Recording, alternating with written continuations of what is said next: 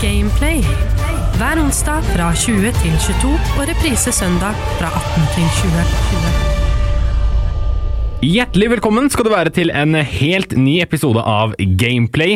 Eh, Vi skal snakke om spill, som vi vanligvis pleier å gjøre, men i dag har vi tenkt til å gå inn i kanskje den mørkeste delen av spillverden hittil.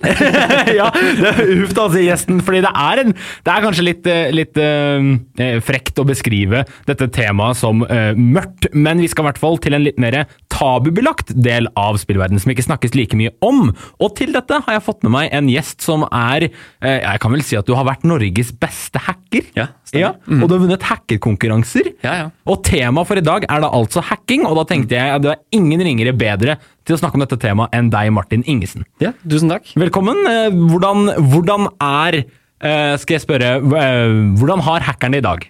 Eh, Nei, Hackeren har det veldig, veldig fint i dag. Ja. Jeg har fått meg en pølse og brus på, på veien inn til Oslo, så da, Ja, så da, er, da er jeg good. Ja. Har du hacka, har du hacka i dag allerede? Nei, du, altså, vi, vi har jo flere i selskapet som jobber med IT-sikkerhet og hacking, så, så vi driver og hacker litt uh, hele tiden, ja. Mm. Hele tiden? Hele tiden. Er det 24-7 noen som hacker, liksom? Ja, nei, nei, vi har ikke folk liksom rundt globen som Det har vært god, god tanke, egentlig, men nei, da, vi, det, vi gjør det innenfor norsk arbeidstid. Norsk arbeidstid, ja ok, så bra. Man må ha rimelige Ja, arbeidstider. ja, ja, det, vi driver et norsk selskap, tross alt. Så. Ja, og Hva er dette selskapet du driver nå? For det, det handler om dette med cybersikkerhet og på en måte hacke for et godt formål. Ja, det stemmer. Du kan jo se på oss som snille hackere. Så jeg driver et selskap med, med fem ansatte, uh, som jeg starta for, for ja, snart tre år siden. Ja. Uh, som går ut på rett og slett det at vi tester IT-sikkerheten til, til kundene våre. Så de hyrer oss inn uh, og sier prøv å finne sikkerhetshull og utnytt de. Eh, og, og kom dere inn på ulike måter. Og Det kan enten være både digitalt, eller at vi prøver å lure med de ansatte i bedriften, eller at vi fysisk bryter oss inn. Så det er, liksom, det er så nærme James Bond du kommer i, i vår verden, i hvert fall. Har det hendt at dere faktisk klarer det? Er, har du noe sånn tall på Er det 50-50 hvor dere ikke klarer det, eller klarer å komme dere inn? Eller er det liksom Vi, vi, vi klarer som regel alltid å komme inn. Det er såpass, ja? Dessverre. Eller ja. Så ja. det sier vel kanskje enten litt om hvor flinke dere er, eller hvor mye internettsikkerhet har å gå på. Ja, ja altså det, det er en kombinasjon, tror jeg. Altså, eh, uten å skryte på oss at vi er verdensmestere, men, men vi, vi, vi bruker mye tid på å være liksom, helt framme i fagfeltet vårt. Eh, bruker mye tid på det, og egenutvikling og sånne ting. eh, og følger med på hva det er som skjer ute i verden, og åssen de ondsinna hackerne jobber. da. Mm. så prøver vi å gjøre det samme. eh, og det er jo det positive er at når vi finner ting, så, så leverer jo vi en rapport etterpå. ikke sant? Vi leverer ikke et eh, løsepengekrav. Eh, så, så selv om vi fakturerer bitte lite grann for jobben vi gjør, så er det en helt annen liga enn hvis du først eh, blir, blir hacka av, av holdt på å si, noen utenlandske aktører. da. Ja. Så, så, men vi leverer jo på en måte en rapport og sier her er de tingene vi har funnet, og det er det vi anbefaler at dere gjør noe med. da. Så utrolig spennende hverdag å ha. Ja, jo da, det er, det er, det er, det er veldig, veldig gøy. Frustrerende, det er mye arbeid. Men eh, Er det ja? ja altså, det, er jo, det er jo veldig teknisk, teknisk krevende. Eh, Ja. må sette deg inn i veldig mange ulike ting og aspekter ved, ved IT.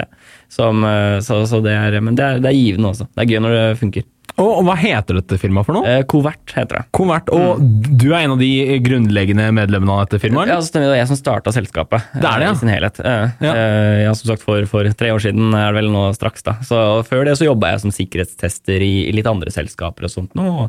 Jeg tok en master i informasjonssikkerhet, men egentlig skulle jeg bli programmerer. Det var liksom, det var liksom der det kom fra. og Det er jo, det er jo litt passende med tanke på, på temaet i, i eh, eller altså podkasten i seg selv. er jo eh, Mye av det startet med at jeg hadde lyst til å lage spill. Jeg hadde lyst til å lage nettsider og spill når jeg var yngre. Eh, og, og liksom lekte i Flash og sånne ting, og, og, og prøvde å programmere spill. Eh, og så falt det litt av etter hvert, da når jeg syntes liksom programmering og IT-sikkerhet var enda mer spennende enn enn lage spill. Men det er den perfekte overgangen jeg lette etter. for da, da kan vi gå litt mer over til hva er ditt forhold til hacking i spill? Oi, godt, godt spørsmål. Uh, altså, sånn Generelt sett, da, når, du, når man vokser opp med, med en PC Jeg har tilbrakt, eh, til, tilbrakt eh, utallige mengder foran PC-en, som, som sikkert veldig mange andre også har gjort. Jeg kjenner meg igjen. Men, Eh, men også blir på en måte, man blir jo alltid litt sånn eh, nysgjerrig da, på hva, ok, hva, man kan, hva man kan gjøre. Er det, noe, er det noe jeg kan gjøre for å måte, ja, hacke et spill eller sånne ting? Altså, det, det kommer litt sånn naturlig at man begynner å undersøke litt og sånne ting. Og jeg husker jo husker godt uh, det, er et, og det programmet fins jo ennå, som heter Sheet Engine. Mm. Som er et sånn minnemanipuleringsverktøy uh, som, som, gjør at du på en måte, spesielt på spill som kun er lokalt, så kan du på en måte endre på f.eks. hvor mange liv du har, eller hvor mange hitpoints, eller hva det enn måtte være. da, mm. eh, som, som, du, som, du, har ved å liksom, ja, søke gjennom og finne liksom, ut ja, okay, hvor er det, hvor er det, eh, livene mine er plassert på minnet i datamaskinen, altså endre på den verdien. Oh, ja. så, så, det var på en måte inngang eh, litt sånn sett. da. Så det er liksom noe man, og, og det som er morsomt, da, uh, for å ta det med en gang, er jo det at uh, vi ser jo nå i, i moderne tid at uh, spillsheets, altså, eller teknikker som folk har funnet for å jukse i spill, er veldig veldig anvendelig i, når vi utvikler ny kode for å hacke. Ok. Ja, for det, er sånn, det, det å omgå f.eks. Antiskit, da. Ja. Eh, de som klarer å gjøre det. Antiskit og antivirus er egentlig ganske likt. så Det funker egentlig ganske likt. Mm -hmm. Så de som klarer å omgå antiskit, ja, de klarer antakeligvis også å omgå antivirus på maskiner. Eh, og det er jo noe vi alltid er ute etter. er jo å Prøve å ikke bli tatt når vi gjør jobben vår. Ja. Eh, og da er jo det å unngå antivirus det er liksom veldig veldig viktig. da. Så vi ser, jo, vi ser jo at man kan grave tilbake teknikker som ble funnet for ja, ti pluss år siden, som ja. plutselig er kjemperelevante for oss nå. Da.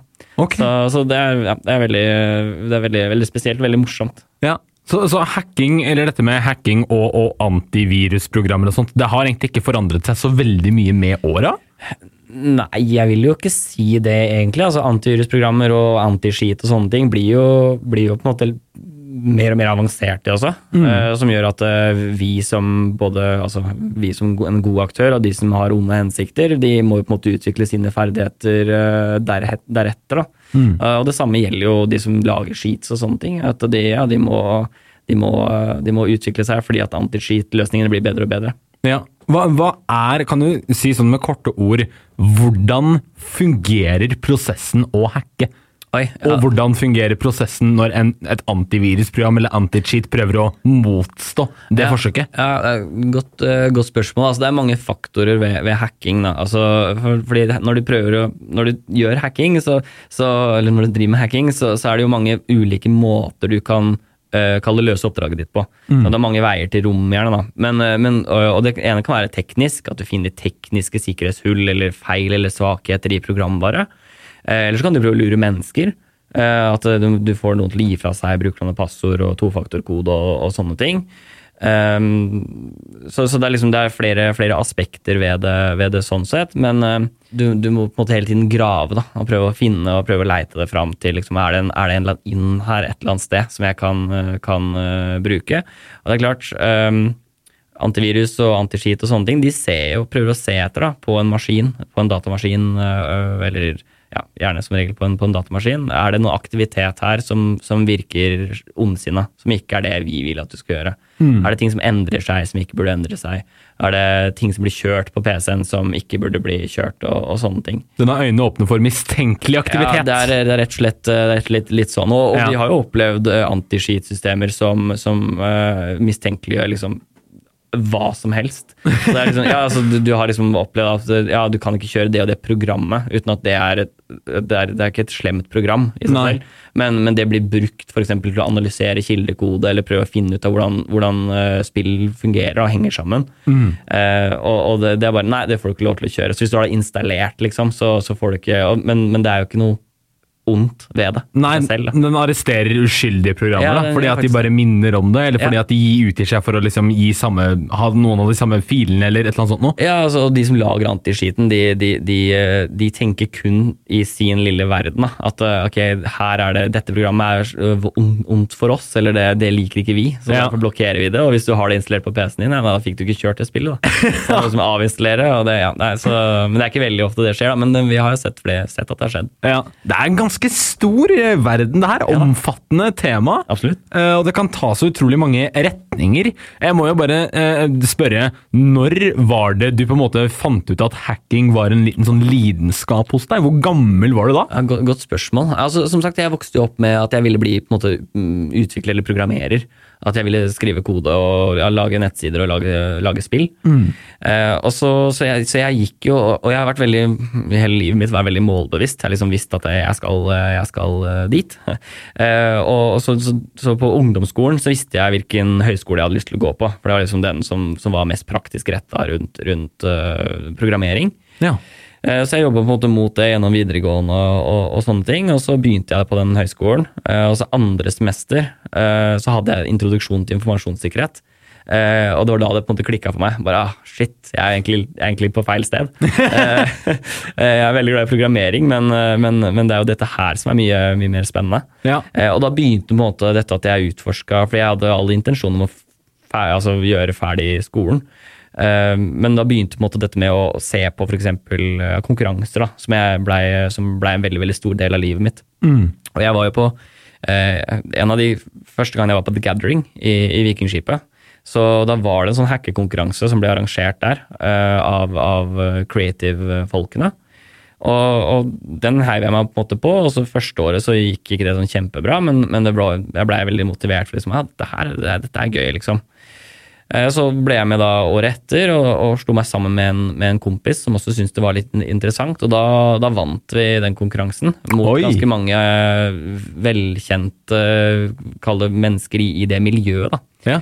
Uh, og det, det var jo på en måte med på å liksom tenne en flamme, definitivt. Uh, så etter det så vant vi vel vant fire år på rad eh, på, på The Gathering. Uh, og den, den konkurransen ble også proffere og proffere, som ble vanskeligere og vanskeligere. så vi satt jo, satt jo der på en måte, og, og, og vi brukte jo hele altså I de første årene, på, de første årene jeg var på The Gathering, så spilte jeg jo spill. Men jeg, til slutt så dro vi dit kun for å sitte med hackekonkurranse. Vi hadde ikke tid til noe annet. Vi, vi, vi spilte hackekonkurranse, eh, spiste og sov. Det var liksom, det var, Det er ganske det var sykt. Ja, ja. Altså, Så, mange vil si at vi går glipp av mye av det andre på The Gathering, men det var liksom The Gathering for oss. da. Jeg tror ikke det. det. Når du vinner hackerkonkurransen fire ganger på fire år på rad, så tror jeg ikke de gikk glipp av noe. Altså. Men øh, hva, hva slags oppgaver er det du får i en hackerkonkurranse? Godt, godt spørsmål. Altså, eh, det kalles jo det er sånn Jeopardy-format. Så du har jo på en måte ulike kategorier. Og så under hver kategori så har du ulike vanskelighetsgrader som gir deg forskjellig mengde poeng. Eh, og så er det egentlig bare å løse så mange som mulig eh, Ok. på, i løpet av den tiden du har tilgjengelig. Ja. Og så slippes det gjerne oppgaver litt sånn jevnt og trutt. da. Så det er på en måte, og, de eskalerer gjerne i vanskelighetsgrad. Så i starten så er det ganske lette oppgaver. Eh, og så blir det på en måte bare mer og mer komplekst utover, utover ja, landet, i det tilfellet her. da. Mm. Så, så det er, så, det er på en måte, så vi hacker ikke, vi hacker ikke. Det er ikke sånn at vi får beskjed om liksom, hack en bank. eller altså, det, er litt, det, er, det er satt opp oppgaver som er ja, innen kryptografi, eller, eller eh, ja, kanskje at man skal prøve å hacke en, en falsk nettside. altså en nettside som arrangøren har satt opp, som har et eller annet sikkerhetshull du må finne og, og utnytte. Um, ja, eller det kan være altså, forensics, at du prøver Du får kanskje en, en PC som har blitt hacka, og så må du finne ut hva er det som har skjedd. Å ja, ja, så Så du må litt- liksom jobbe med å være på en måte motparten også, den som da. skal finne, løse hackingproblemet? Ja, på, ja, på en måte. Altså, er- og, og, du, og du kan analysere nettverkstrafikk. Det er liksom alle mulige måter man kan, man kan liksom lage, lage oppgaver innenfor. Da. Så du må ha et ganske bredt, eh, bredt eh, kompetanse. Altså, du, må, du må ha vært borti mye rart. Da. Mm. så, så, så det er liksom det kule med det. Altså, du blir alltid utfordra i en eller annen retning som bare ah, shit, det der har jeg aldri gjort før. Da må jeg jo lære det da, for å kunne løse den oppgaven der. Så, så det, vi fikk delegert ganske greit. Han, han jeg spilte med, han, eh, han var veldig god i matte og liksom den kryptograf, altså de kryptografiske oppgavene og sånt. Og Så han fikk liksom det, og så satt han og drakk eh, cola og pulverkaffe, og så, og så tok jeg det andre. Ja. Det er ikke så langt ifra idrett, det her. Eller nei, altså, Blir det feil å sammenligne det? Ja, nei, jeg vet ikke. Altså, hvis sjakk er idrett, så, så, så kan man kanskje putte det i kategorien på en måte. Ja, jeg føler det. Eh, Ja, nei, hvis e-sport er en ting, Ja. så føler jeg i hvert fall at, at eh, hacking og, og rett og slett bare nettverk, som man kan kalle det liksom internett eh, sport, da, eller Ja. Ja. ja. Altså man, man har jo sett, man har jo sett uh, initiativer rundt omkring i verden hvor man har prøvd å putte det i litt sånn e-sportformat. Eh, og det har jo fått uh, også, eh, Det kan jo sies at denne her type konkurranser er ikke bare på The Gathering i Vikingskipet. Eh, det det fins Dette her er det ja, Hver helg så er det flere sånne konkurranser rundt omkring i verden. Uh, og en av de største er på, på, på en av de største hackerkonferansene i, i USA. Ja. Eh, som man, og der er på en måte, det er eliten av eliten når det kommer til, eh, kommer til den type konkurranse. Det er Messi, det er hacking verdensmessig, ja, liksom, og Ronaldo. Det er, ja. det er det, de, de som spiller der, de, de er eh, begava over en helt, helt annet nivå eh, enn en det jeg er, i hvert fall. Ja. Så, men også er de store team, da, det skal sies. Så Ja, de, er, ok. de, er, de kan dra på veldig ulike ulik kompetansefelt fra veldig mange ulike mennesker. Ja. Så, så det er, eh, men det er utrolig ja, nei, så Da har man prøvd å putte det litt sånn at man har live scoreboard og sånne ting, så det er litt interessant å se på. da. Men, eh, men, men Da blir det litt mer sånn amerikansk sportslig over det. ja, altså, men, men det er jo på en måte altså, hacking i seg selv, sånn som du gjerne ser på TV. det ser jo, kan jo for så vidt se kult ut og veldig visuelt ut, men det, men det er jo altså, Det finnes ikke noe som er kjedeligere enn å se på noen som hacker. Det er, det er altså så utrolig altså, du, du sitter timevis, og så, og så liksom, plutselig er det yay, så fikk du til et eller annet. Og så er det nye timer med, med liksom stillhet.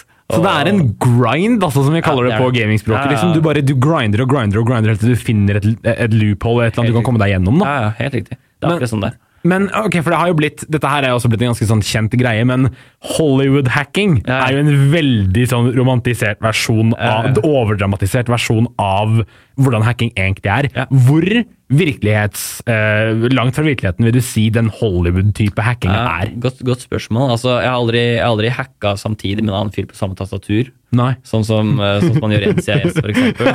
Eh, så det er på en måte, det, det, det, vi er ikke helt der, men det er klart, du har TV-serier som, som Mr. Robot, for eksempel, som, som har brukt konsulenter som kommer fra IT-sikkerhetsverden, og der er uh, alt de snakker om der, er ekte.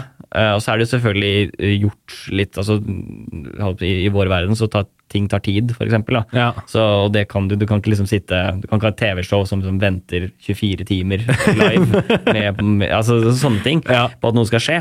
Eh, men, så, så, men som ja, eksempelvis Mr. Robot har, har alt, eh, alt som er der, er jo i teorien realistisk. da. Ok. Eh, Så, så det er jo Det setter jo vi pris på, eh, vi som er nerder, holdt jeg på å si. Men, men eh, så, så samboeren min misliker hver gang vi ser film som involverer hacking. For jeg sitter der og bare Ja, men det der er jo det er Ja, du blir, det du blir han duden. ja, jeg blir, Ja, ja. han fyren som sitter og kommenterer bare Ja, men det, det, er ikke, det er ikke sånn det funker. det er så gøy. Det er, det ikke mange som kan gjøre det om hacking, så Nei. det er veldig morsomt. Men det er veldig interessant. Vi kan gå litt mer over på dette med gaming. Mm. Fordi jeg kan jo forstå at hvis du er si 17-18, Mm. og du kan en del om hacking allerede, og du gamer, da er terskelen veldig lav for at du bruker hacking litt til din egen fordel. Ja, ja. Spørsmålet mitt er Nå kommer jeg til å krype litt sånn inn i dine personlige lag her, men Ja, har du hacket for å oppnå fordeler da du var yngre på spill? Har du vært en del av den, den type sånn eh, stereotypiske hackeren? Mm, nei, altså jeg, jeg har aldri, aldri hacka i spill.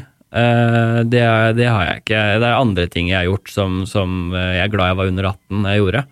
Eh, men men akkurat rundt spill så, så er det på en måte ikke Jeg har liksom ikke hatt altså, hva skal man si? Jeg er så dårlig i spill. Altså, sånn, jeg, jeg har vokst opp med å spille med, med fetteren min, uh, og, og vi han, han gruser meg altså hver eneste gang. Så til slutt så liksom mislikte jeg å spille en stund. Oh, ja. men jeg var så dårlig. Ja. Jeg har liksom aldri liksom fått til det eneste jeg har vært sånn decent greie i, har liksom vært eh, CS. Så- Ja, sånn, ja, ja. Så- Og der møter du nok av hackere. ja, altså, det er som hackere. ja. ja. Nei, Så jeg kunne jo hacka i det, da. Ja. Men eh, nei, nei, så, så wallhacks og sånne ting har jeg aldri Jeg har nok vært litt redd for konsekvensene av å få kontoen min banna og sånt. nå. Ikke hatt så lyst til det. Det er smart, det. Jeg har ja, ja. alltid holdt meg veldig clean når det kommer til uh, hacking og cheats. Jeg har aldri vurdert det engang. Nei, nei altså, jeg har jo juksa i sånn singleplayerspill og sånt, men det føler jeg på en måte ikke teller. Nei, ja, det har Eh, jeg òg. Ja, Ja. Det, det er på en måte Det, er jo ja, om, du, om du endrer en fil for å få mer penger, liksom. Koder i GTA, liksom. Ja, Koder i Sims. Ja, ja, men riktig. Ikke sant? Ja. Motherload. Ja. Ja. Ja, men det, det tenker jeg må være innafor. spesielt i disse dager hvis man har begrensa med tid. Så er det liksom sånn, ok, men Hvis vi skal komme videre her, kanskje vi bare skal, skal jukse litt. Ja. Men eh, nei, altså, ja, nei, så, så, så det, så terskelen min, mine etiske linjer det, på singleplayerspill, der er ingen, et, det er ingen etikk. Det, det, det er helt greit for min del. Ja, men Det er bra. Det er litt det svaret jeg ville høre.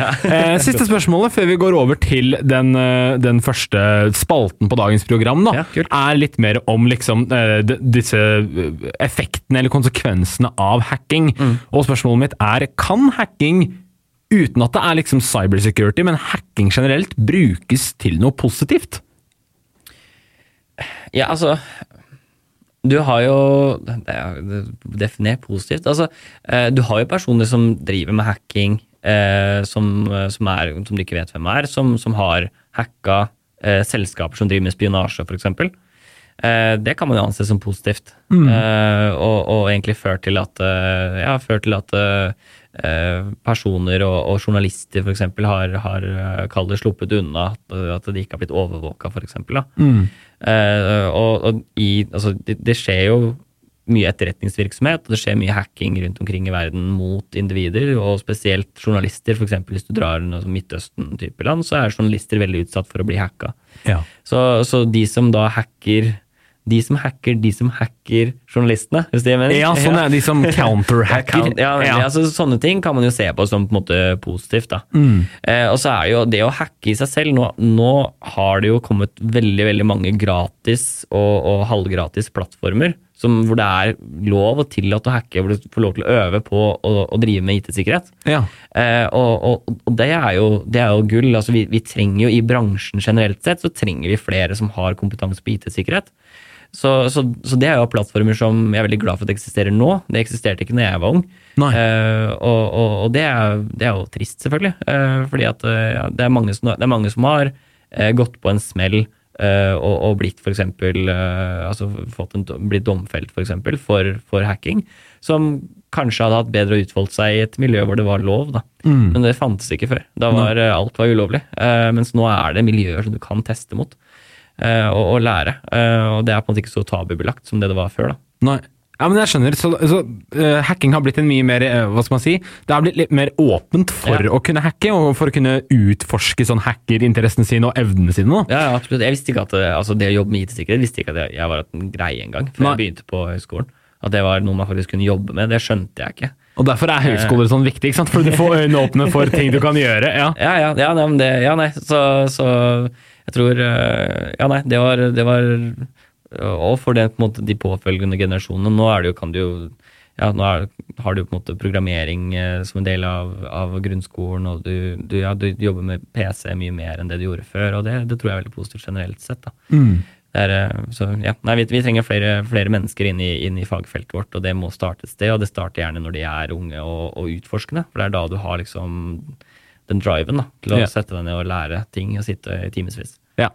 Ja, men Så utrolig kult. Tusen takk for veldig gode svar. Jeg tenker Vi kan begynne å bevege oss inn i eh, dagens første spalte. Her skal det handle nesten bare om gaming, så vi tar det litt vekk fra hacking, litt ja, ja. inn i gaming. Men vi prøver å sånn kombinere begge to mm. hele tiden. da. Så vi kan jo bare kjøre i gang med det. Ja, kjør på. Ukas playback. Da har vi kommet til den første spalten på programmet. Jeg vil si hele mm, osten på ostesmørbrødet. Den hovedkjerna i starten av gameplay, som er eh, playback. Her snakker vi om alle spillene vi kan huske fra barndommen. Gjerne med vekt på det første spillet vi spilte, og går i nostalgiens gater. da. opplever denne sånn euforien av å tenke tilbake på gamle barndomsspill og hva de hadde med seg. Vi har jo allerede nevnt litt av det.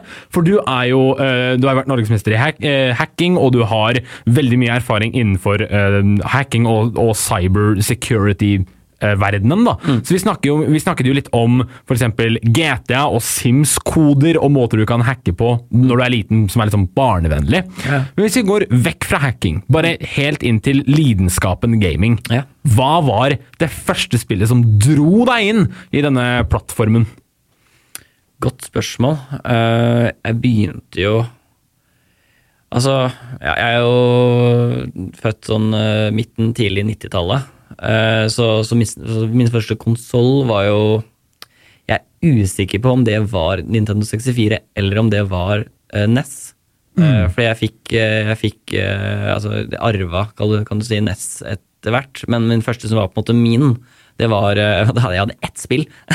det var Super Mario 64, eh, som jeg spilte, spilte, veldig veldig mye av. Eh, altså jeg nevnte jo at jeg spilte en del med fetteren min, så vi spilte mye Mario Kart. Ja. som, som jeg syntes var veldig gøy. Og så, og så hater jeg Mario Party. Eh, det er litt tilbake til at fetteren min alltid knuste meg. Var han eldre, eller? Nei, han er yngre enn meg, og det er det som er Å ja, da gjør det litt vondt. ja, det, gjør faktisk litt vondt. Så, så, så, så de minigames og sånt, og de var jeg aldri noe god på. Men Mario Kart og sånn syns jeg var veldig, veldig gøy, da.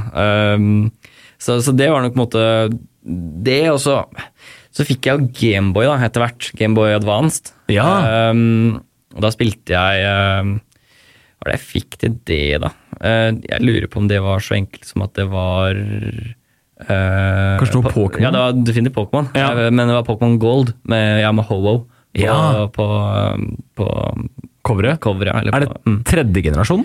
Eller andre? det, er vel andre, Ja. vel, eller det vil si, med mindre du teller yellow, sånn sånn mellomgenerasjon. Mellom, du hadde jo blue og red, og så hadde du yellow. Men jeg tenker på, jeg tenker på Og ja, alle Pokémon, sammen som én ja, generasjon. Ja, liksom. Ja, det, Mm. blir andre, det blir andre generasjons eh, Pokémon, ja. Ja, riktig, Uh. Det er vel for så vidt den, det er der det stoppa for meg. også sånn, uh, sånn jeg, jeg kan, tror ikke jeg kan huske mer enn 210 ting. Uh, og, og akkurat der, så generasjonene ja. Da ble det litt for mye Ja, litt for må- mange på. forskjellige. Nei, men herregud, altså, vi, spilte jo, vi spilte jo så mye Pokémon. Det var liksom det som var på skolen. da. Det var jo det, var det og så ja, så hadde vi en, eh, Det har jo ikke noe med gaming å gjøre, men vi hadde vel en periode med Bayblades og sånne ting. Men eh, ja.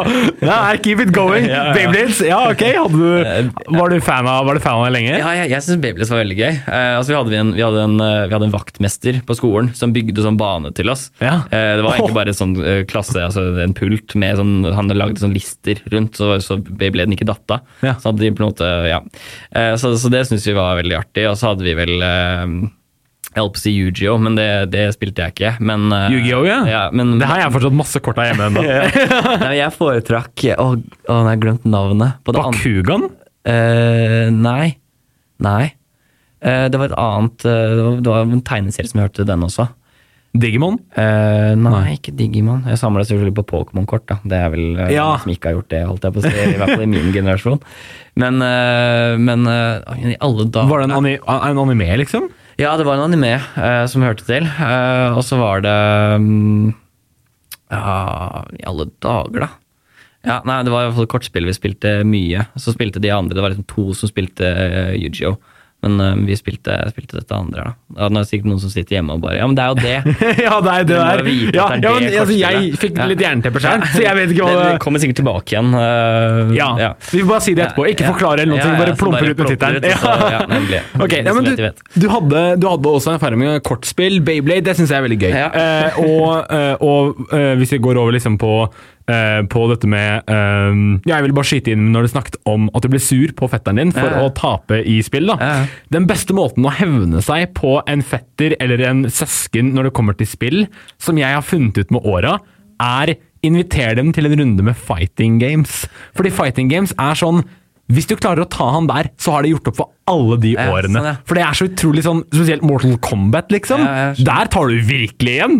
Sånn, Det humiliater, liksom, ved å, ved å vise at sånn Der! Nå klarte jeg det. Problemet er at vi spilte jæklig mye fighting-spill. Gjorde dere det? Ja, jeg ble knust da også.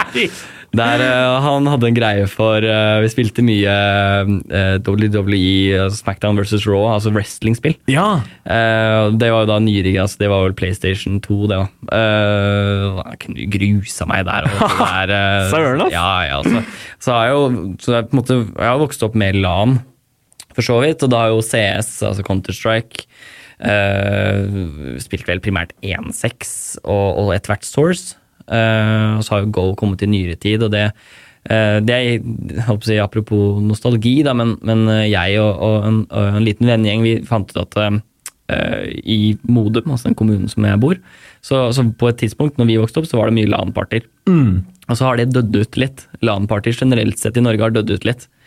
Uh, Og det har jeg merka faktisk med åra. Ja. så det, det er, de sliter med å få deltakere. Eh, de sliter, sliter med å trekke til seg mennesker.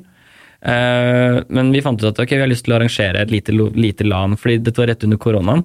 Eh, nå hopper jeg helt ut av eh, spalten her. Nei, det går helt fint. Ja, Vi har fortsatt på tidslinjen med liksom før i tiden. Ja, ja, ja altså det, det er liksom, det tar veldig sterke tilknytninger tilbake igjen. Da. Men, men, men poenget er jo at uh, uh, vi, dette var rett under koronaen. The Gathering var avlyst. Og min, uh, min samboers lillebror hadde liksom akkurat blitt introdusert for, for TG og, og hva det var for noe. Og så ble det jo alt avlyst pga. korona. Så fant vi ut ok, men vi, kan, vi har et lite kontorfellesskap der, der jeg jobber. Uh, Vi kan jo bare sette opp noen PC-er der, så kan vi bare game der. Ja. Og så diskuterte jeg det litt med, med, med et annet vennepar. Uh, Så fant vi ut at uh, ja, men det hadde vært litt gøy å, å sette liksom, lage litt større, da. Eh, Så vi fant ut at ok, men vi, vi, vi leier, eh, leier en sånn skiflyvningshall. Skiflyvningshall hørtes veldig stort ut, da en håndballhall, egentlig. Så ser vi. Hvor mange mennesker får vi dit? Som et Eh, sosialt eksperiment, ja, ja, nesten. ja, egentlig. Uh, og, og, dette, og det var da rett etter at koronarestriksjonene på en måte, Da var det egentlig litt borte. Uh, så, så det var på en måte innafor å arrangere et sånt, sånt event. Ja, så bra. Uh, og så ja, prøvde vi bare ok, vi lager et LAN. Hva er det som skal gjøre for at folk kommer? Nei, Vi vil at det skal være lavterskel. Ja. Så vi har, vi har fordi at Når du drar på LAN-party generelt sett, så er det gjerne en tusenlapp pluss eh, i kostnad. Oh, ja. uh, og det, det er dessverre for dyrt for veldig mange. Uh, vi bor i en lavinntektskommune, som gjør at det er ikke alle som har egentlig gamingutstyr nesten i det hele tatt. Så vi kan ikke ta 1000 spenn for, for at vi skal arrangere LAN-party. Så vi la oss på nettesumma nettesum av 160 kroner eller sånt nå. Ja. Og all inclusive. Så de får all mat, all drikke, alt under LAN-et er provided provida av, oss. Og det dro veldig veldig mange mennesker når vi arrangerte. Det Det blir vel fjerde gang vi arrangerer det nå til, vinter, nei, til høstferien som kommer.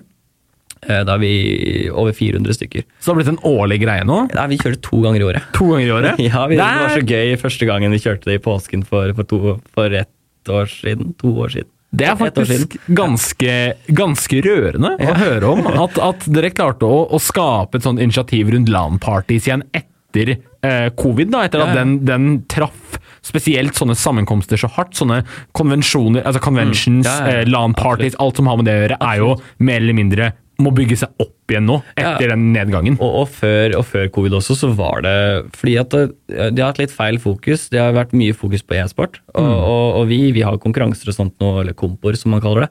Uh, Fortnite er den som er mest populær sånn sett. Eh, så vi, vi har jo på en måte konkurranser og sånne ting, men vi har ikke pre pengepremier. Altså Vi har masse sånn stæsj vi gir ut og sånn. Mm. mye av det er eh, tilfeldig, eh, fordi at alle skal ha muligheten til å vinne litt. Eh, Men, eh, men, eh, men det er liksom ikke der fokuset vårt er, for det er der det har vært veldig mye før. da, At det har vært fokus på at ja, ok, eh, det må være fete premier og cash price og sånne ting. Men, eh, men eh, altså, det- tolvåringer vinner for det ikke det uansett. eh, Nei. De bryr seg ikke om det. Det er Nei. ikke interessant for dem. Så, så, nei, så, så lavterskel. eh, egentlig alle, alle skal ha mulighet til å komme. Vi får låne PC-er til de som ikke har. Eh, så det er flere som ikke har PC eller gamingutstyr i det hele tatt, så de, de får låne oss. Så sjenerøst, ass. Eh, ja, og det er jo kun fordi vi har masse gode sponsorer, da. så vi er jo heldige sånn sett. Ja. Eh, ellers hadde det går jo ikke økonomisk rundt for 160 kroner, så jo vi, vi ville jo tapt hundretusener Ja, på det hvis vi hadde gått for det. Men uh, vi får masse spons og sånne ting, fordi at vi vet at altså, folk ser at det gir, gir verdi. da. Så kult. Ser du, ser du liksom gleden på de barna når de Ja, er der? At det er, og, det er, og jeg- og det er det som er liksom, ikke sant Eh, Jeg, jeg vokste jo opp på LAN-party. Det jeg, jeg var aldri god i fotball. Og sånne Nei. ting. Det var, det, idrett og sånt, det, var- det syns jeg var ordentlig, ordentlig hassle. Da har vi noe til felles. ja.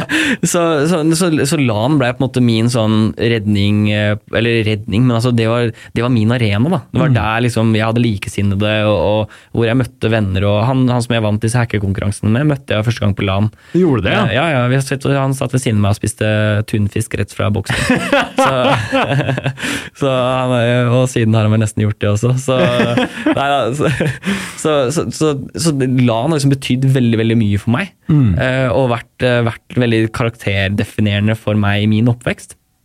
Eh, og, og, og, det å kunne liksom ta med det litt tilbake igjen. Da. For vi, vi vet at det er barn som, som kommer på LAN og så bare Oi, det her er jo folk fra klassen min som jeg ikke visste spilte spill engang. Ja. Eh, eller de møter nye venner, det, altså sånne ting. Eh, og det, det er på en måte, det gjør alt verdt det. Eh, å ha én kid som bare Fy søren, nå har jeg hatt det kjempebra. Um, og vi har, jo, vi har jo Når vi er ferdig med LAN-et, så har vi som regel igjen en del mat og sånt nå. Eh, så da, det sender vi jo med hjem, de som har lyst på. Eh, og så var det en, det var en, en deltaker som, som liksom gikk bort til bordet og ville liksom, ja, men bare ta hva du vil, liksom. Og så tar han, tar han med seg tre brød. Og liksom sånn, og nå blir mamma og pappa glad nå, når jeg kommer hjem med de brøda her. Ok.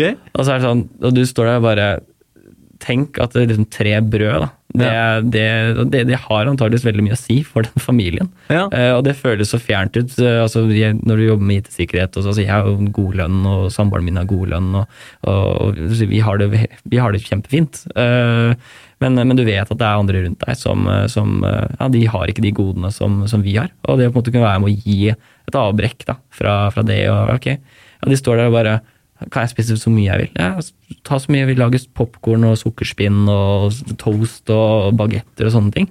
Eh, og er liksom, fy søren, da kan jeg bli mett. Og Sånn, ja, du kan bli mett. Det er, eh, det er en veldig fin historie du har der, Martin. Ja, det, det med, dette, med, dette med hvordan denne gamingsammenkomsten også bidrar til så mange andre gleder Ja, ja. og tryggheter hos barn. Gaming binder folk sammen, altså. Ja, På flere måter enn én. Jeg syns du, du fikk formulert det veldig bra. Da. Du fikk liksom malt et bilde av Det er ikke bare det at de gamer sammen som er det som binder folk sammen heller. nei. Det er vel mer det at de sitter sammen og finner sin eneste ordentlige lidenskap med hverandre. Ja, ja, og, og er liksom uh, i sitt ess Mm. med hverandre. Der de ikke passet inn i fotballklubben, der de ikke passet inn i boksinga, liksom. Ja, ja. Så finner de i hvert fall den dynamikken de som alle andre har i idretter, Mm. får de gjennom gaming. Og den betyr så ekstra mye når du ikke finner noen andre steder. Ja, ja altså, og, man må på en måte legge vekk den der at gaming er eh, å si, hjernedødt og sånn, og usosialt. For det, for det er det faktisk ikke.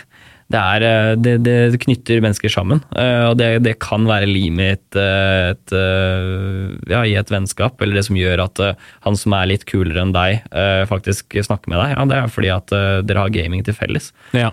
Så, så nei, så, og gaming, ja. Det å chatte med folk på internett og sånt, det er jo noe man på en måte har gjort siden, siden man var liten. Den tidlige morgen. Ja, ja altså sånn, for, for min del så, så, så har jo det vært Jeg har jo på en måte Jeg har spilt med mennesker som har vært på andre siden av kloden, på en måte, og, og, det, og det, det, ja, det, det føler jo at du er en del av noe større òg, da. Så det, Mm. ja, nei, det er, ja. Så nei, så, men, eh, men eh, ja, for å, for å hoppe nå litt tilbake igjen. altså LAN-parties, det, var jo- det var jo på en måte veldig Å spille CS og sånne ting syns jeg var veldig gøy. Spilte vel noe Warcraft eh, og, og Dota. Ja, det gikk litt i med mor og sånn. Ja, altså, det er fort som problemet. Igjen, det er et dårlig spill, ikke sant. Så, så jeg klarer ikke build orders og sånne ting på, i Dota. Og League of Legends har jeg spilt, eh, spilt en del av når det, når det var en greie. Ja. Um, men eh, men, men ja, det, var det strategiske. Jeg klarte liksom aldri Jeg, investerte ikke nok tid i det. Var egentlig det som det, det går i. Jeg føler det er noen ironiske lag her, fordi, fordi jeg syns du, jeg syns du, sånn, du snakker litt ned om hvordan du er på gaming, Ja. men samtidig er du en hacker. Ja, ja. Men du hacker ikke i gaming! Nei, nei, nei. Det er ganske morsomt sånn. En dårlig sånn Det, det, det viser at du fortsatt er veldig god, da. Altså en god person. Hadde du, hadde du lagt all empati til side, så hadde du bare sånn Nei, nei, jeg er god fordi jeg cheater meg til alt mulig jeg kan, liksom. ja, nei, nei jeg, har ikke, jeg har ikke behov for å hovere ved, ved å jukse, liksom. Det, er så bra. Det, akkurat der, der er jeg ikke. Nei, nei så Det viser hvilken side av gamingen du er på, Ja. og du er på riktig side. åpenbart. ja, ja, Ja. jeg, jeg håper og liker, liker å tro det. Du hører Gameplay med Nikolai. Men det virker som du er litt mer kanskje på online-spill enn på singleplayerspill? Ja, altså Det går tilbake igjen til tid. ikke sant? Jeg har ikke, jeg vil heller sette meg ned og spille en runde altså Ta Fortnite da, som eksempel. Mm. Nå har jeg spilt akkurat tre runder Fortnite i livet mitt, men, eh, men eh, Det var nøyaktig. eh, Ja, jeg tror faktisk det er akkurat tre runder. Akkurat det. Jeg spilt litt PubG og sånne ting. Så, men jeg syns den formen for spill altså, jeg, jeg er mer glad i F, FPS. Mm. Jeg har spilt en del Team Fortress 2 da jeg var yngre igjen. Ja. Som, som samme CS og, og så mye Det nevnte jeg ikke i stad, for så vidt, men med Battlefield også. Jeg er veldig glad i Battlefield som, som For når, når, jeg var, eh, når jeg var ung, så, så var Battlefield 2 var jo greia. Ja. Uh, Oi, Bat- Battlefield 2? Battlefield 2 ja, også, Bad Company? Uh, nei, det, nei, det kom jo etterpå. Gjorde du det? Ja, ja. Å, ja. Jeg spilte en del Bad Company 2 også. Ja, vidt. ok, ja. Men fordi Ba- Bad Company var vel primært på konsoll, hvis jeg ikke husker feil. ja. Men, men uh, uansett, så Nei, så, men jeg, jeg, jeg syns det er så gøy med Fordi at NRK hadde jo sånn derre sånn, eh, sånn liga. liga. Litt sånn som du har i dag med GG-liga, altså sånne ting, hvor du har, hvor du har liksom i e-sport, da, for, eh, for gjerne bedrifter. Så var det bedriftsliga i, i Battlefield 2. Og det, det lå på nett-TV-en til NRK. Det ligger okay. sikkert et eller annet sted inne i arkivet til NRK som går an å hente ut igjen. Uh, håper jeg egentlig de gjør. For det var, det var liksom så kult. Og, og de hadde live commentary, og du følte liksom at de mm, løp rundt og gjorde oppdrag og sånt noe. Så spennende. Så ja, jeg syns det var veldig kult. Jeg likte, jeg likte den formen for, uh, formen for spill som var litt mer et, uh, Det var en FPS, men litt mer strategisk og sånne ting. Eh, America's Army var jo også en, et spill jeg spilte litt grann av. Å ja, det har jeg aldri hørt om, tror jeg. Nei, nei altså det var jo den amerikanske hæren. eh, Eller ja, de, de lagde jo et spill, eller fikk noen til å lage et spill som var eh, relativt realistisk, I guess. da. Okay. Som, som altså ble du på en måte truffet, så, altså, så var det ikke sikkert at du døde med en gang, men du måtte på en måte dra deg langs bakken bortover og prøve å få hjelp og sånne ting. da. Skulle det være så realistisk som mulig, liksom. Ja, så true ja, to nature. liksom- Ja, ja så, så det var vel det, Jeg tror tanken da var at det skulle være sånn rekrutteringsmessig med tanke på liksom, altså, få, få ungdom inn i den amerikanske hæren. Ja, sånn, ja. Så, ja. så, så det var på en sånn rekrutteringsgreie, egentlig, eh, som de, som de lagde det som. Um, og det, og det jeg, spilte, jeg kom aldri liksom inn i Arma, som jeg har spilt bitte litt Arma seinere, som er en mer en sånn Milsim-type spill. Sant, ja. Eh, Men jeg synes jo den kategorien hvor du liksom, ja, du sitter og planlegger og snakker og, og liksom, ok, hvordan skal vi gjøre det her strategisk riktig og sånt, og det syns jeg er veldig kult. Altså, jeg er liksom litt sånn, kan si, litt sånn sjakk ved det, på en måte. Ja, litt Eh, strategisk. Samtidig som at du kan skyte et gevær. Så ja. liksom- Strategisk, taktisk, men også FPS. ja, nemlig. Hva med Rainbow Six Siege? Har jeg sikkert eh, et godt spill for deg da? Ja, ja, altså, ja eh, egentlig. Ehm, så, så jeg spilte litt Rainbow Six mm, Da husker jeg ikke hvilken av versjonene det var. Men det, det var lenge siden. Eh, litt sånn tilbake igjen til at jeg ikke har tid i sånn nyere år. Eh, men eh, men eh, det altså, Battle, altså Battlefield Heroes spilte jeg. Det, var det er ikke sikkert mange som husker. Men det var en sånn uh, free to play-aktig Battlefield-variant. Som var sånn cartoon-aktig. Uh, Men det var jo Dice som hadde lagd det, og, eller ja, det var i hvert fall det var et Battlefield-spill. Ja. Um, så, så apropos mods, der, der drev vi og, og så litt på modding, egentlig. Ok. Um, og så var jeg tungt inn i Minecraft en stund. Ja, selvfølgelig. Uh, Alle har vært tungt ja. inne i Minecraft. Ja, ja. Nei, altså, det var, det var jo på en måte fra, fra alfastadiet og sånt noe. Uh, så jeg drev en del med Det var i den perioden jeg liksom ordentlig begynte å lage nettsider og sånt. Mm. Så det var mye nettsider, og, og vi lagde nettsider for du kunne laste ned mods og sånne ting. For det, mods var jo på en måte bare Minecraft-forumet. Ja. Uh, så du lasta bare ned skit derfra, ikke sant. Mens uh, vi hadde lyst til å lage mer, mer sånn For de som har spilt uh, Hvis du spiller World of War- World of Warcraft og sånn, så har du jo Curse og Curse-klienten som, som gjør at du kan laste ned ja, stuff, ikke mods nødvendigvis, da, men at du kan laste ned liksom, overlays og sånne ting. Eh, Så ville vi liksom lage en uh, ish-variant av det, da, som gjorde at det var lett å liksom, hotpatche eller, eller installere mods enkelt. Og finne liksom nyeste versjon og sånne ting. da. Det er gøy at du nevner Minecraft, fordi Minecraft var det spillet det eneste spillet hvor jeg har følt meg litt som det nærmeste man kommer en hacker eller programmerer, Ja, med at jeg lasta ned texture packs. Ja.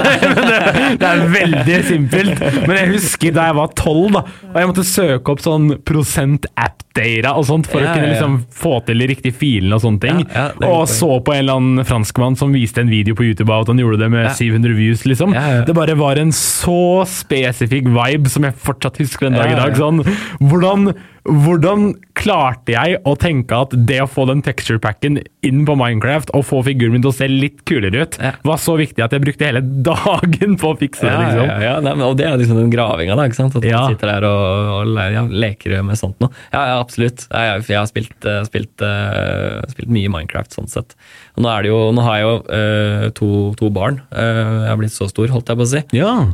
Og da han eldste der er fire år, så han spiller Minecraft. Gjør han det? Ja, han gjør det.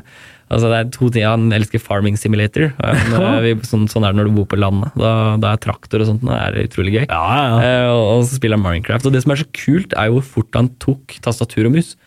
Ja. Eh, altså Det å spille med WASD og, og hoppe med mellomrom og, og flytte datamus og sånt, det fant han nesten ut selv. Det er sånn helt utrolig hvor fort uh, Såpass? ja, ja, så, for jeg, jeg viste ham på en måte, ok, du trykker på disse, det er fremover, bakover, venstre, høyre. Uh, og så flytter du musa sånn, og så trykker du på en måte. Uh, og så, så måtte jeg gjøre noe annet, så jeg gikk ut av rommet, og så kom jeg tilbake igjen, og så driver han og hopper rundt i Minecraft. ikke sant? Jeg bare, hvor, hvor, hvordan lærte du deg at mellomrommet er hopping, liksom? Nei, så, ja, så han har sett at vi hadde gjort det i Farming Simulator, da. Ja. Så han hadde bare plukka opp det, og bare, da prøvde jeg bare det, og så funka det. det er sjukt. Det hadde vært gøy om du kom tilbake og så så du at han plutselig satt og hacka. Ja. Ja, det var helt sinnssykt.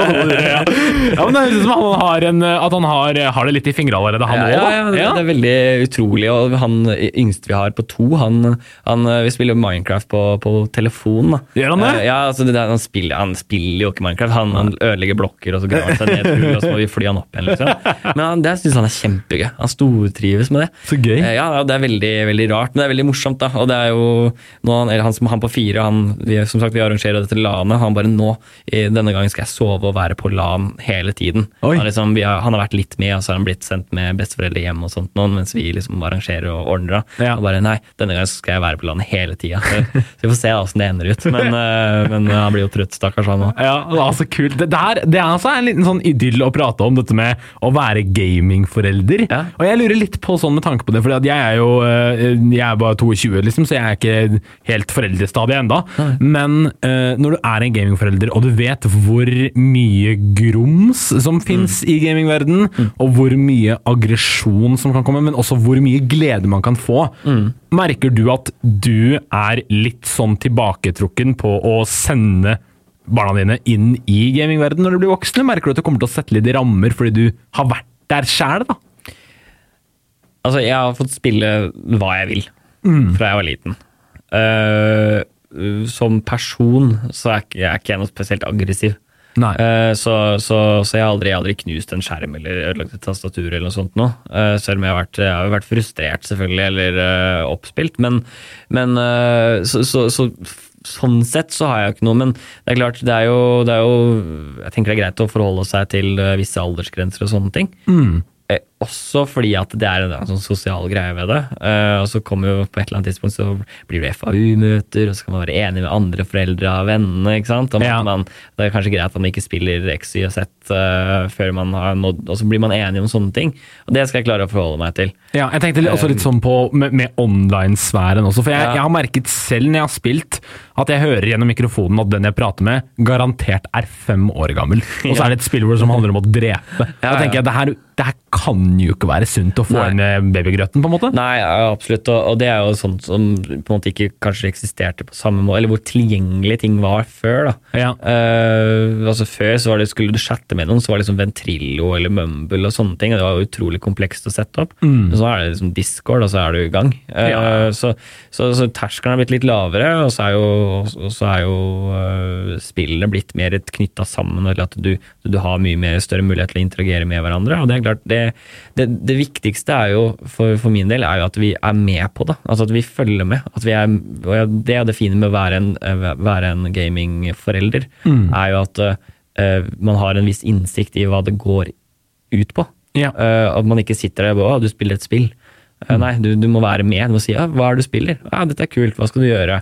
Hva er det som er greia? Ja, det er sant. Altså, Bli en del av liksom greia, ja, for da, da, da, for det første, da skjermer ikke barnet seg vekk fra deg. Eh, for da er man åpen om at ja, dette spillet spiller jeg. Uh, og da, da har man på en måte muligheten til å moderere eller være med på å forklare ting. At vet du, å ja, da, der kan du skyte, liksom. Ja, eh, men vi, dette er jo, altså, så kan du forklare ja, dette er jo bare spill, ikke sant. Mm. og, og så ta den der. Og jeg tror ja, jeg, jeg tror det er mange andre varseltegn også for et barn som er veldig utagerende, eh, enn bare at de har spilt et skytespill. på en måte. Ja, det er helt Eh, enig. så, så, og det handler på en måte om at man blir sett. Eh, er- ja, jeg, tror, jeg tror aldri et spill alene som har fått noen til å håpe seg skyte opp en skole. Nei, nei, ikke sant. Det er det. Men eh, jeg setter pris på ærlig svar. Jeg tenkte bare det har vært gøy å ta det først som siste år, i og med at du er er forelder og, og litt nybakt. Altså fire år er jo Men eh, gratulerer så mye også, det er jo gøy. Eh, skulle vi tatt Jeg hører jo at du har mye erfaring i spillverden. Skulle vi tatt eh, og gått en liten tur innom den aller siste spalten på programmet, som er våre anbefalinger, yeah. der vi deler litt av av det vi har lyst til å anbefale lytteren der hjemme. Eh, så vi kan jo bare sette i gang med det. Gameplay på Radio Metro. Da har du kommet til den siste spalten av dagens gameplay, min kjære gamingvenn. Og sammen med meg i gamingsofaen i dag har jeg med meg en annen kjent gamingvenn, eller en hackervenn om du vil. Martin, som er, eh, har vært Norges eh, beste hacker. Du har vunnet eh, en rekke hackerkonkurranser, jobber med cybersecurity. Det er veldig hyggelig å ha deg her, forresten. Tusen takk. Det er, det er gøy å være her. Er Så bra. morsomt å snakke om noe annet enn bare IT-sikkerhet. Så, vi snakker om det også, så er det godt ispedd spill. Og Ja. det, det liker jeg. Det er nettopp det vi skal ha på Gameplay. Vi skal dekke alle plattformer og arenaer. Vi snakka til og med om kortspill og sånn. Ja, ja, da, da er det ganske bredt. Eh, nå skal vi over til uh, våre anbefalinger, hvor vi deler av våre spillerfaringer og spill vi har lyst til å anbefale til deg der hjemme. Det begynner jo å bli høst, og da er det jo utrolig nyttig å kunne dele de beste spillene man har, så folk uh, har en unnskyldning til å sitte inne og game litt, da, nå som det regner. Eh, og jeg må komme med en liten sånn en, en innrømmelse, på en måte. Det her er vel første gang i gameplay hvor jeg gjør det, men jeg har blitt helt forelska i et spill. Okay. Sånn jeg har blitt Jeg kan ikke huske sist jeg har sittet og spille et spill til så langt på natt i helgene, og jeg bare jeg seriøst sitter nesten med munnen åpen når jeg spiller det, fordi jeg syns det jeg spiller er et, et stykke kunst. Ok, Nå er jeg spent. Vil du gjette hva det er? Det er et ganske moderne spill. Nei, Nei, det klarer jeg ikke, altså. Det er Baldur's Gate 3. Ikke sant? Ja. Det spillet der er et av tidenes mest gjennomførte konsepter. Altså, jeg klarer ikke å, å beskrive hvor mye jeg liker det spillet. Det, det som er, er at Ok, jeg må sette litt opp her. Ja, ja. Jeg som person er egentlig veldig skeptisk til alt som er nytt. Jeg er ikke glad i nye spill. Jeg gidder aldri å satse 600 kroner for et nytt spill. Aldri i verden. Jeg bare venter til det kommer på salg. Jeg hører hva, hva reviewers tenker om det. Ja, ja. Baldur's Gate 3 solgte liksom seg selv så bra. Okay. Uh, og for deg som ikke vet hva Baldur's Gate 3 er, da skal jeg prøve å gjøre det ganske kort, uh, kort fortalt. Det er det tredje spillet i Baldur's Gate-serien. En ganske lang spillserie som fokuserer på eh, et, eh, en verden som kalles Forgotten Realms, som er et av de mest kjente Dungeons and Dragons-verdenene der ute. Fra gammelt 80-tallet. Som ble, var et Dungeons and Dragons-brett, eller en campaign som det kalles, før. Og nå har det blitt videreformidlet til veldig mange andre medier. Bøker, spill osv. Til og med serier. altså Den filmen som kom, tar jo også plass i Forgotten Realms. Baldur's Gate er da et av stedene i Forgotten Realms, og et av de største byene som de spillene her eh, handler mye om. da. Så Baldur's Gate 3 er jo da et veldig moderne spill som bruker mye av BioWare sine elementer, for det er de som står litt ansvarlig for de gamle Baldur's Gate, hvis jeg har forstått det riktig. Og hvis du kjenner til BioWare, så kjenner du jo til Mass Effect og Dragon Age. Eh, med andre ord, Baldur's Gate eh, viderefører dette med eh, at du har et party med deg til enhver tid, at du har valg, at du shaper din egen story i denne fantasy-verden, samtidig som den har en veldig godt utviklet turbasert combat. Og eh, dette med at uh, den Dungeons and Dragons-terningen er relevant i spillet. Så hvis du skal prøve å persuade noen, så må du kaste et terning, en, en D20, Ja, okay. og da får du en score. da. Og da kan du klare det eller ikke også. Hvis du har bra, bra liksom, uh, karisma, Ja, ja. så gir det litt pluss, ekstra på. Ja, ja. Det er som i vanlig DND. Det er, det er som i vanlig DND. Det er akkurat det, og det er det som jeg synes er så sinnssykt med det spillet her, er at det klarer å videreformidle så mye bra eh, Bra writing og storyfortelling, bra figurer, bra videreføring av BioWare sin gamle struktur på spill, og bra videreføring av Dungeons and Dragons i et digitalt form. Man kan også spille det med venner. Du kan, klare, du kan spille en campaign med andre. Og, eh, og det er altså så utrolig mange muligheter i det spillet her når det kommer til valg, da. Si eh, hver enkleste ting du gjør, kommer til å ha en konsekvens. Og selv om du har gjort tre helt forskjellige separate ting, så kommer de konsekvensene til å møte hverandre i enden, og det kommer til å gi mening. De kommer til å gli over hverandre. som at, Ikke som at eh, det virker veldig som at eh, de ikke har planlagt for at du kommer til å gjøre storyen din på den måten, men mer så de har planlagt alle mulige utkom, så alt virker som det er din story. da. Kult. Veldig, veldig kult. Eh, så det var min lille sånn positive rant om det spillet. Jeg bare må anbefale det. Gate 3 er et av de få spillene jeg vil med hånda på hjertet si det er verdt 600 kroner. Det er et 600 kroners spill. Ja. Eh, andre 600 kroners spill er altså Red Dead Redemption 2 og Dark Souls 1. Så det er der jeg legger, legger liksom lista på. Har du noe erfaring med Baldur's Gate eller BioWare-spill eller de typer generelt? Godt, uh, godt spørsmål. Uh, jeg var litt borti Mass Effect. Uh, Ja. Og det andre Age of, Nei, Eh, Dragon Age? Dragon Age. Ja. altså, eh, for med Dragon Age, så det morsomme der var at det var, eh, jeg var en vennegjeng holdt via internett som, som, som ville ha en nettside hvor du kunne For det er relativt, relativt stor map, hvis jeg, hvis jeg husker feil. Ja. Uh, hvor de kunne på en måte tegne live. Litt sånn at de, de som hadde whiteboard, som kan tegne med andre på, bare via internett. Ok. Så, så, så jeg, jeg, jeg spilte aldri spillet, men jeg lagde liksom verktøy sånn at de kunne spille, spille sammen. Ja, sånn, ja. Uh, Så, liksom, men, men jeg har ikke vært borti foruten det. da, så har jeg ikke, Men jeg, har sett veldig mye positivt om Baldur's Gate- da. Ja, du har det, ja? Ja, så er jeg veldig fan av DND-type ting. Mm. Uh, og ble litt eksponert for det på, på den høyskolen jeg gikk på, gikk på også. Ja. Så, så jeg syns det er eh, utrolig kult. Jeg liker jo på en måte at man eh, generelt sett at du kan sette deg ned og fantasere, altså sette deg inn i å liksom, være si, litt leken, eller hva man skal si. Da. Altså, at, eh, at liksom, du, skal, du skal kunne sette deg ned og ikke synes det er nerdete. Det er, det er, det, du må være med på historien. Du må committe på en måte til at vet du, dette er, det er sånn det er. Ja. Så, så det syns jeg, er, det synes jeg er, eh, veldig kult. Og jeg må også bare skyte inn at uh, Baldur's Gate er et ganske voksen spill, så den er ikke for alle der ute. Nei, det er ganske ok, ja. brutalt på mange måter, og så er det mye nakenhet i det. Det er noe man da kan skru av, men det er eh, ja, De har lagt opp for veldig mye nakenhet, så det er liksom litt sånn eh, du, du bør følge alderskriteriene for, okay. før du spiller spillet.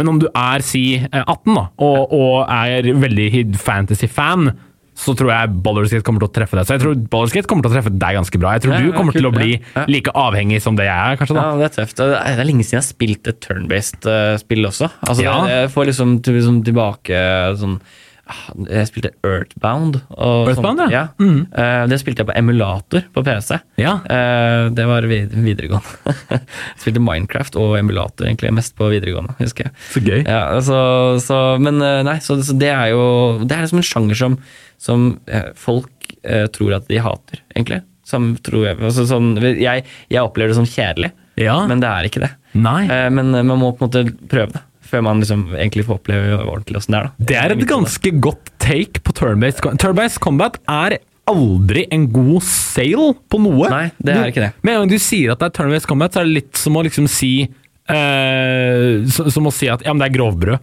i det. Sånn det blir litt sånn derre Å ja, nå forventa jeg en skikkelig digg bagett, men nå var det grovbrød. Ja, så det er liksom, Her må jeg vente på å skyte. Ja, Eh, ja, ikke Eller sant? må jeg vente på å gjøre noe. Men så er det sånn. Men med en gang du faktisk tester det ut, så glemmer du at det var en dårlig sale. Fordi du blir sånn veldig oppslukt av at det er turn-based, og så bare blir det gøy. Ja, ja. Ja. Og så og igjen litt som du tror du hinta til også, at det blir litt strategi i det. ikke sant? Ja. Eh, så, og Det er på en måte der man kan eh, jeg håper nerde litt på hvordan man har lyst til å gjøre ting. og sånt. Så Ja.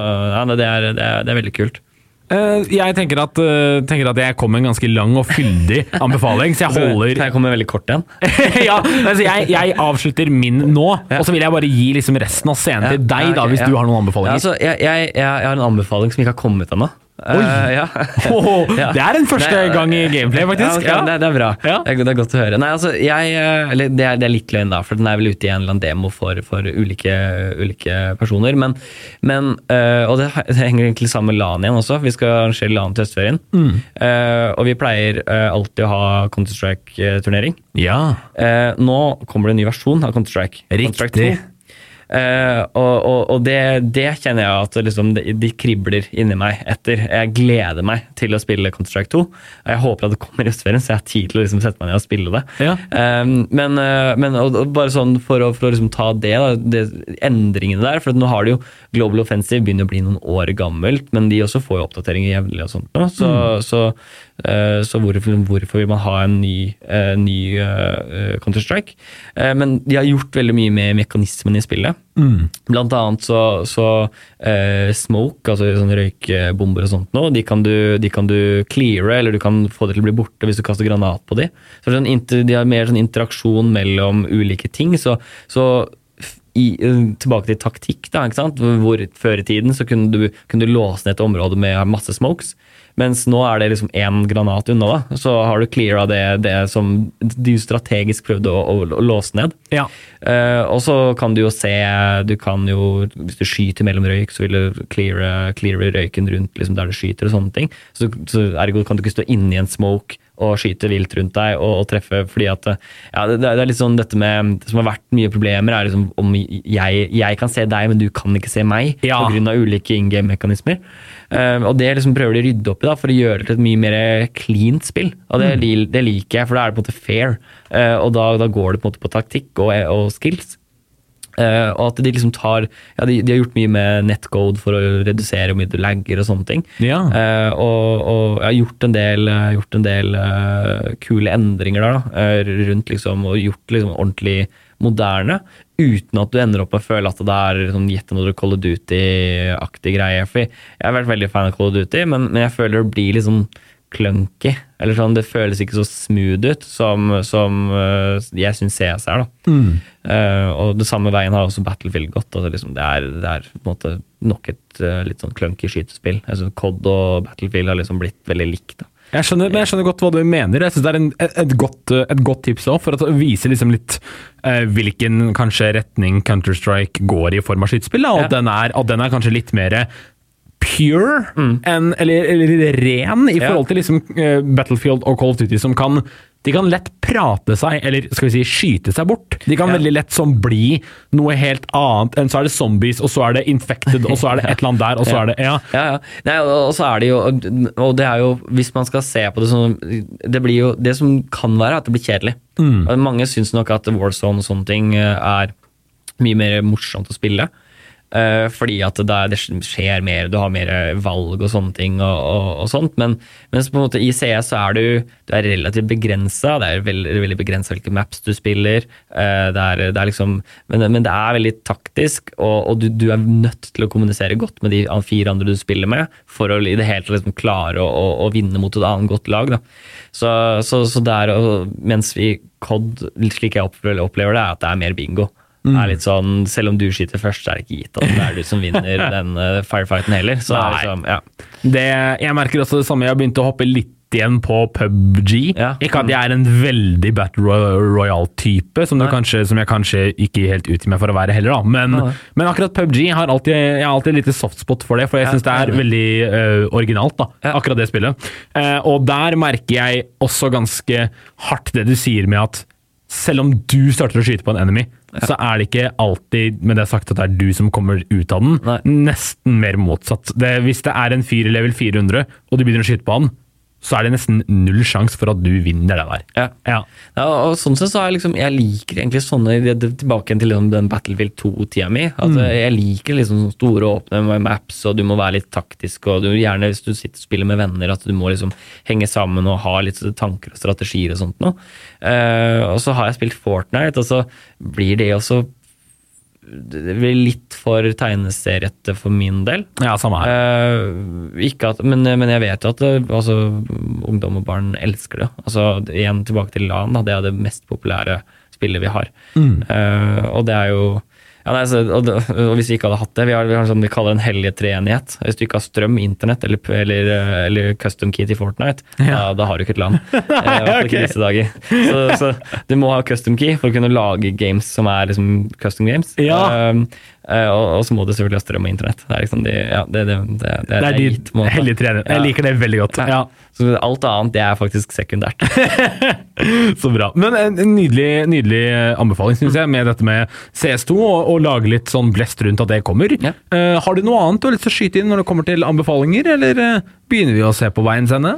Ja, nei, altså, jeg tror ikke jeg har så veldig mange anbefalinger uh, egentlig, for å, være, for å være helt ærlig. Er det noe du vil legge til sånn mot slutten, da?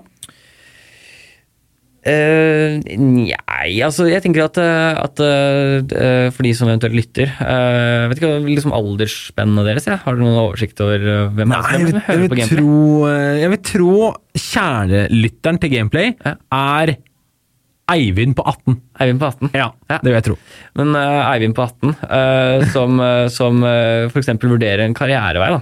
Ja. Eh, så, så kan jeg på en måte anbefale deg IT generelt sett, og cybersikkerhet. Nå finnes det masse bachelorgrader og sånt du kan eh, gjøre innenfor det. Eh, der lærer du alt du trenger å vite om hacking, eller du lærer alt du trenger i hvert fall innledningsvis til å komme deg til en jobb hvor man kan drive med IT-sikkerhet. Og vi trenger, men, vi trenger flere folk. Så, så jeg vil jo på en måte anbefale, og, og, og gamingkulturen er veldig, selv om jeg høres ut som en sånn litt traust fyr som ikke spiller så mye, så gamingkulturen er veldig sterk i, i min vennegjeng, Ja. og vi, oss som driver med IT-sikkerhet. Så, så, så det er på en måte det, det, er en, det er en nerdete forsamling, det også, eh, på sin måte. Så jeg anbefaler å liksom vurdere, i hvert fall tenk på kunne IT-sikkerhet uh, vært noe for meg. Det kan du også ta via Forsvaret, da, hvis man, hvis man ender den veien. Ikke sant? Så har du cyber, cyberforsvaret. Ja. Så, så enten man må inn dit, eller man har lyst til å ta det på en, på en skole. Det, nå kan du ta IT-sikkerhetsutdanning på de fleste universitet og høyskoler i Norge. Ja. Så, eller i hvert i hvert fall, et, i hvert fall som regel geografisk et valg. Så, Jeg syns det er eh, veldig bra. Til, eh, til, den, eh, til deg som drømmer om å jobbe med, med IT og jobbe med cybersecurity, så, så hør på Martin sine vis, visdomsord her nå, og gå for den drømmen. For det er mer aktuelt nå enn noen gang, kanskje. Absolutt, og, og det, er, det er godt lønna arbeid også, så hvis det er Mm. motivasjon. Så du kan, med, du kan drive med hacking eller drive med IT-sikkerhet eller data, og det får, du, det får du betalt for også. Så da er det ikke bare en sånn der gutteroms- eller barndomshjem, eh, barndomsromsgreie. Ja. At, eh, ja, sånn som foreldre sa før i tida, at du, kan, du får, kommer ikke til å få betalt for å sitte foran PC-en hele tiden. Oi, oi. Prove them wrong! Ja. Eh, ok, men før vi runder av, jeg vil bare spørre om en sånn jeg vil skyte vilt ut. Har du en fun fact om hacking? Bare en sånn på tampen. Oi, shit. En fun fact, en eller annen, eller debunk en myte. Jeg må bare sånn Jeg må ha én ting. Ja. Uh, ja. Ok. Um, hvis, hvis Facebook-kontoen din blir hacka, Ja. så er det ikke bare å hacke den tilbake igjen. Ok. Vi, vi, får, vi får veldig mange forespørsler Ja. fra, fra privatpersoner som har mista tilgangen sin til, til Instagram eller Facebook eller lignende. Eh, og det er dessverre eneste måten å få noe tilbake igjen på, da, det er å ta kontakt med, med den plattformen. Det er det, ja. Uheldigvis. For det er ofte utrolig treigt og en utrolig vanskelig prosess. Oi. Og som regel ender du opp med å lage en ny profil. Så det er derfor Facebook-hacking også er litt skadelig, da, egentlig. Ja, det, det, det er en ordentlig herk, altså. Eh, så, så hvis vi skal gå med et tips, eh, så er det noe som heter tofaktor. Det er sånn at du får en, eh, en SMS-kode eller lignende eh, som du må bruke når du logger inn.